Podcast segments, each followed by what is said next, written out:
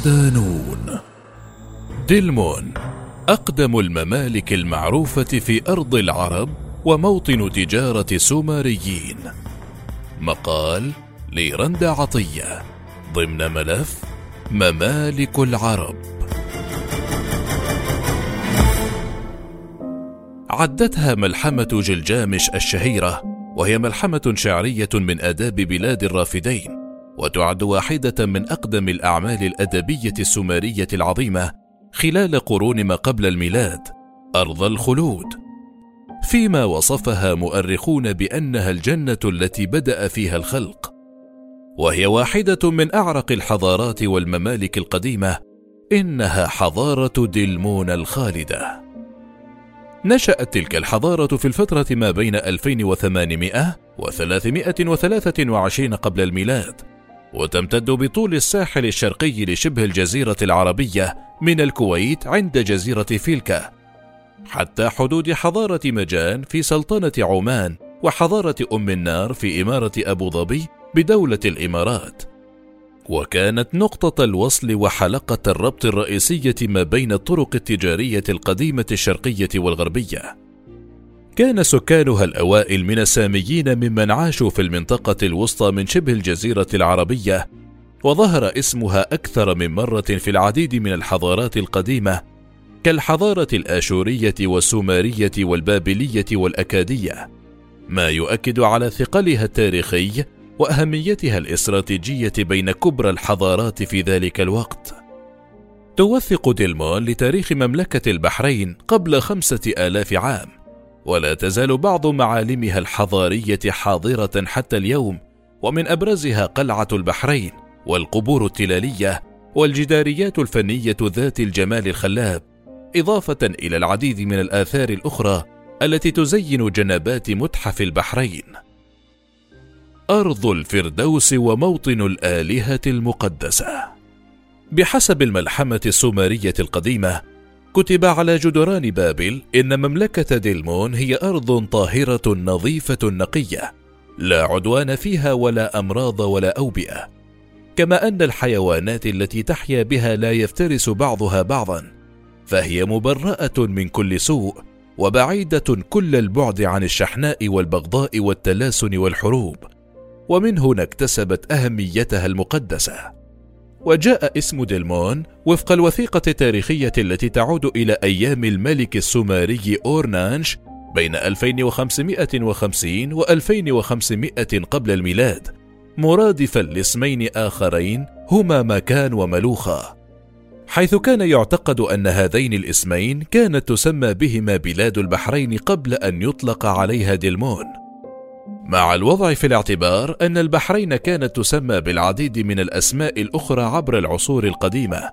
منها نيدوكي عند الأكاديين وتايلوس عند الفينيقيين وصولا إلى البحرين عند الفرس ثم أوال عند المسلمين. وفي النصوص السومرية توصف دلمون بأنها أرض الآلهة المقدسة إذ كانت مقام إله المياه عند السومريين إنكي وزوجته نينورساك.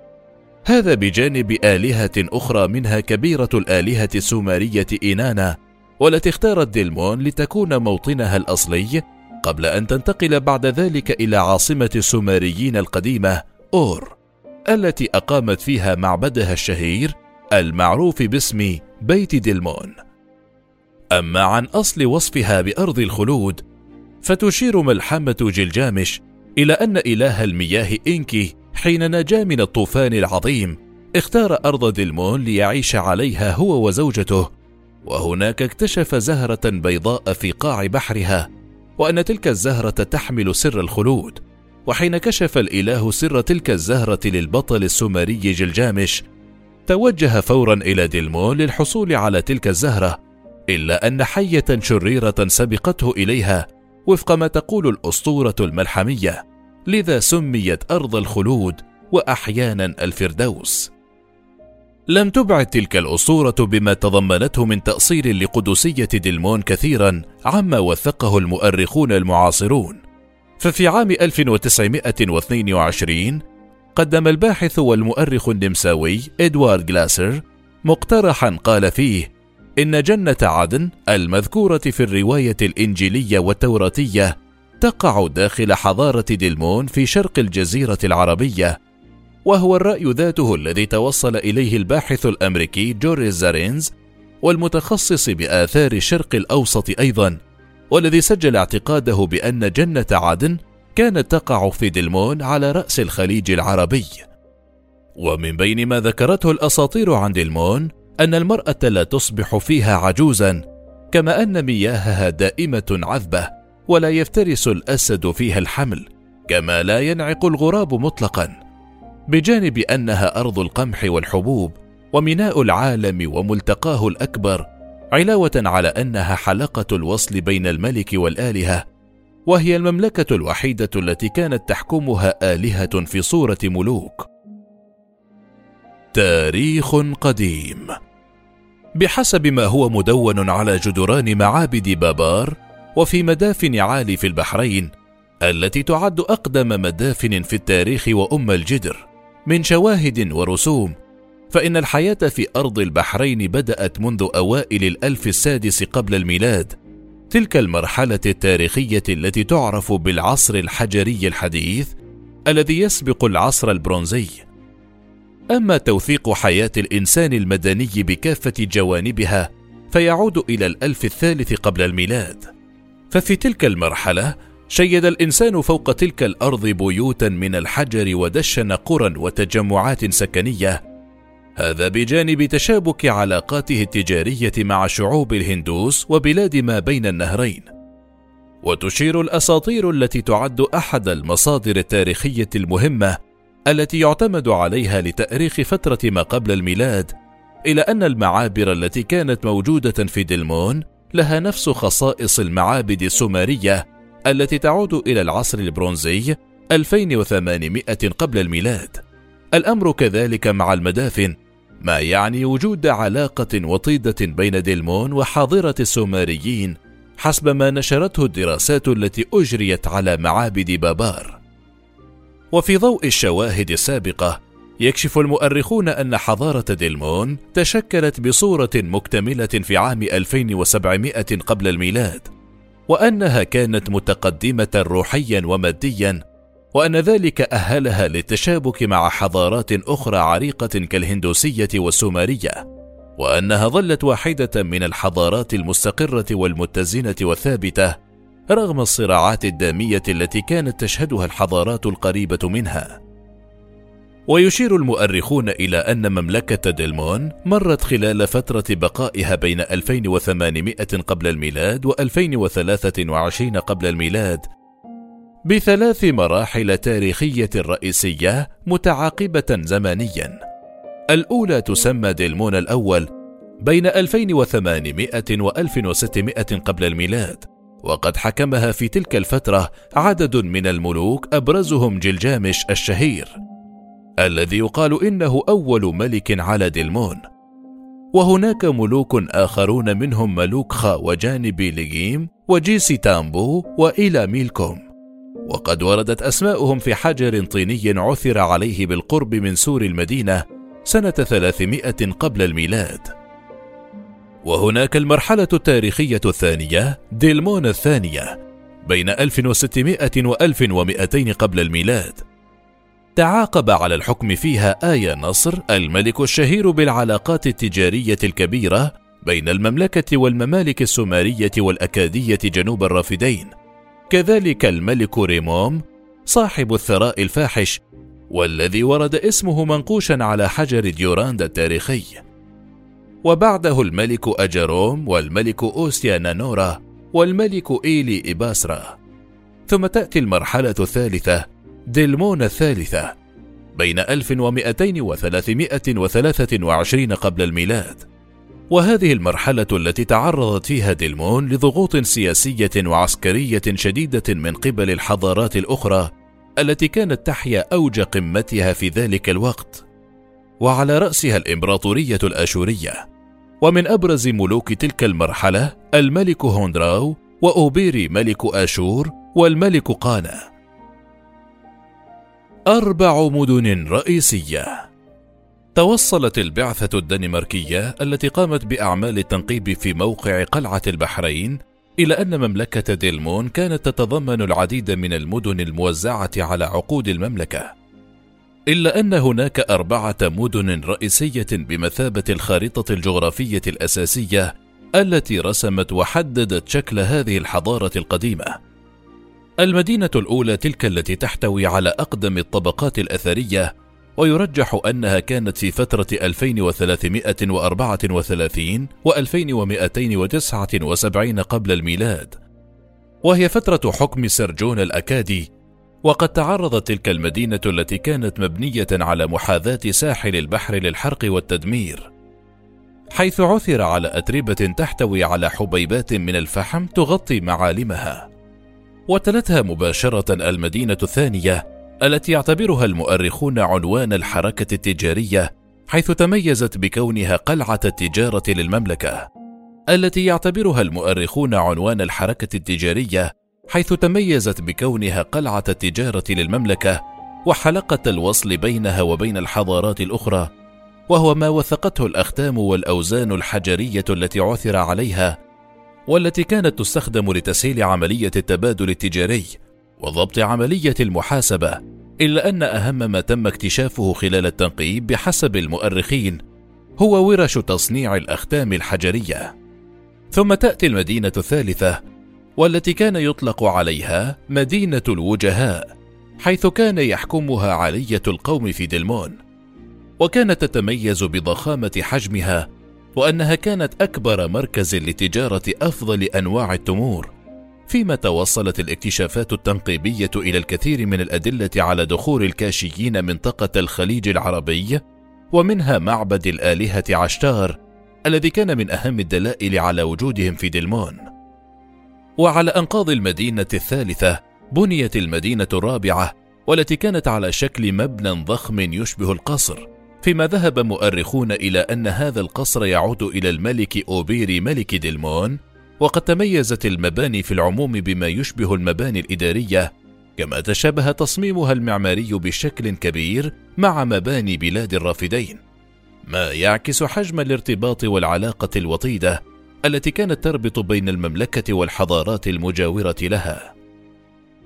الحياة السياسية مرت الحياة السياسية في مملكة ديلمون بمحطتين رئيسيتين وفق العلاقة بين الحكام والآلهة، ففي المرحلة الأولى لم تكن هناك فوارق واضحة بين الحاكم والإله، إذ كان الإله هو الحاكم وفق ما ذكرت الأساطير، وهنا كان الإله إنزاك ابن الإله إنكي إله الحكمة والمياه العذبة في الحضارة السومرية هو أول حاكم لمملكة ديلمون.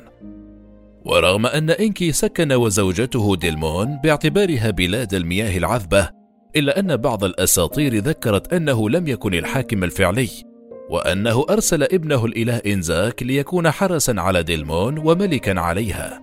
وظل الأمر هكذا لسنوات طويلة كان الإله هو الملك حتى جاء الطوفان العظيم وفق ما ذكرت ملحمة جلجامش وهو الطوفان الذي دفع الآلهة إلى الصعود للسماء مرة أخرى نظير اختيار بشر كخدام للآلهة يسمون بالكاهن الأكبر وينصبون ملوكا على البشر.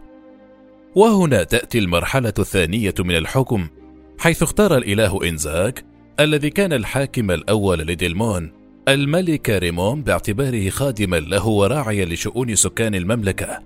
وبالتالي يعتبر ريموم أول ملك بشري للمملكة الدلمونية. ومع مرور الوقت بدأ الانفصال التدريجي بين الإله بسلطته الدينية والملك بسلطته الدنيوية. وعلى مدار سنوات طويلة كان الكهان المنصبون أنفسهم خدام الآلهة هم المسيطرون على المشهد السياسي. وكانت مساكنهم هي المعابد التي كانت تقام للآلهة كنوع من التبرك والحصول على الحصانة الدينية. وكانت تتشكل تجمعات سكنية حول تلك المعابد بحسب المستوى الاقتصادي للناس فأصحاب النفوذ والمال يسكنون بالقرب من تلك المعابد ثم الأقل مالا فالأقل وهكذا. وكانت العلاقة بين الملك وشعبه علاقة مباشرة هكذا في معظمها دون وسيط أو روتين يعرقل لقاء الملك ومن يطلب لقاءه من عامة الشعب. حيث تشير الحفريات إلى أن الملك كان يقابل رعاياه بشكل يومي وبصورة مباشرة مع وجود حاشية ليست بالكثيرة. وكشفت الوثائق عن أنمطة تدوين وسجلات كانت تستخدم في المملكة من قبل الحراس. يسجل فيها الداخلون والخارجون من بوابات المدينة مع سجلات أخرى لجمع الضرائب وحصر عدد التجار وأخرى لتدوين مرافق وخدمات الناس في كافة المجالات. ثراء اقتصادي. الاكتشافات الأثرية والحفائر تشير إلى أن مملكة ديلمون كانت تتمتع بمستوى اقتصادي متقدم، وكان الدلميون من أكثر شعوب الأمم رخاء وثراء، فقد كانوا أصحاب حرف وصناعات متعددة، فبرعوا في صناعة الأدوات البرونزية والأواني الفخارية والأسلحة والآثار المنزلية، وصناعة الأختام والنسيج والمجوهرات. وتشير بعض الروايات التاريخية إلى أن ديلمون احتكرت لمدة قرون طويلة تجارة معدن النحاس والتمور والأخشاب واللؤلؤ، كما أنها ابتكرت العديد من النظم التجارية الخاصة بالاستيراد والتصدير، وتحصيل الرسوم والبضائع ووضع أسس نظام الوزن والمكاييل والأختام، وهو ما لم يكن معروفا أو متداولا لدى الحضارات الأخرى. كما تميز مجتمع ديلمون بالثروة السمكية التي كانت أحد الروافد الرئيسية لاقتصاد المملكة، حيث تفوقت تفوقا بارعا في فنون الصيد وأدواته وصناعة السفن، وهو ما أثقل قدراتها الإقليمية كمعبر تجاري محوري يربط بين تجارة الشرق والغرب، ومحطة استراتيجية في مسارات التجارة العالمية.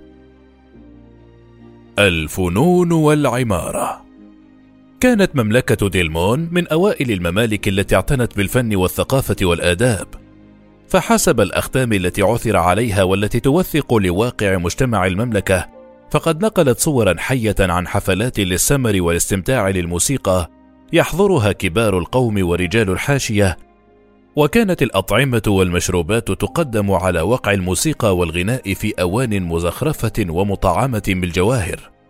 كذلك تميزت المملكة بفنون العمارة المتطورة، حيث شيدت مدن وقرى بأكملها على طرز معمارية جميلة. وكان الدلميون من أكثر الأمم اعتناء بالبناء والتشييد والتعمير، فهم أول من شيدوا المعابد والقلاع والقبور ذات الشكل الثلاثي، كما تفننوا في الرسم على جدران المعابد وصناعة الأواني الفخارية والقطع الأثرية المعمارية المتميزة. وبرعت ديلمون حكاما وشعوبا في فنون العلاقات العامة وإكرام الضيوف وتقديم أفضل صورة لهم داخليا وخارجيا، فكانوا من أكثر الشعوب تهاديا وتبادلا للمنح والعطايا، وكان ملوكها كثيرا ما يرسلون الهدايا الثقافية والتراثية من معادن نفيسة ومجوهرات ولؤلؤ ونحاس لملوك الحضارات الأخرى، بهدف تعزيز العلاقات معهم من جانب والتعريف بحضارتهم وما أحرزوه من تقدم من جانب آخر. وكان مجتمع ديلمون يؤمن بعقيدة الخلود وهو ما تدل عليه مقابرهم الضخمة ووجود مخلفات مادية وجنائزية في القبور بالإضافة إلى اكتشاف بعض المعابد التي عثر فيها على أقداح مخروطية الشكل حيث بنى أهل المملكة مئات الآلاف من المدافن من بينها مقبرة عالي التي تعد أكبر مقبرة تاريخية في العالم وهي عبارة عن تلال يصل عددها إلى أحد عشر ألفا وسبعمائة وأربعة وسبعين تلة. تتكون من إحدى وعشرين جزءا منتشرة على امتداد يصل إلى عشرين كيلومترا ومن أبرزها تلال مدينة حمد تلال مدافن الجنبية تلال مدافن عالي الشرقي وتلال مدافن عالي الغربي. وحققت ديلمون تقدما ملحوظا في العديد من المجالات حيث كانت قلعة العلم والفنون للحضارات والأمم المجاورة وينسب إليها أنها صاحبة أول مرصد فلكي. كما أنها وضعت نظام تقويم خاص بها يحدد بداية السنة الدلمونية في الحادي والعشرين من يونيو حزيران أي في بداية فصل الصيف واعتمدوا على توقيت الشمسي وهو ما كان بمثابة ثورة في علم التقويم. حسب ما أشار الباحث التاريخي السعودي نبيل الشيخ الذي قال إنه وفق هذا الاكتشاف يصبح الدلمونيون من أوائل من استخدموا التقويم الشمسي في العالم القديم. هذا الثقل السياسي والرخاء الاقتصادي والعلمي لدلمون وما كانت تتمتع به من استقرار نسبي أسال لعاب الحضارات الأخرى التي كانت تعاني من صراعات دامية حيث استغلوا تراجع القدرات القتالية لجيش المملكة المسالمة بطبيعة الحال وبدأوا في التخطيط لغزوها وعلى رأس تلك الممالك الأكادية والكلدانية والآشورية. وبالفعل بدأت جيوش بابل في التقدم نحو المملكة حوالي 500 عام قبل الميلاد بهدف ضمها إلى سلطانهم ونجحت في ذلك حيث خضعت دلمون لسلطة الكلدانيين. وأصبحت تدفع الإتاوات وترسل الهدايا إليهم لتسقط معها واحدة من أكثر الممالك رخاء ونموا في القرون الأولى ويسدل الستار على جنة الخلد وأرض الفردوس وموطئ قدم الآلهة.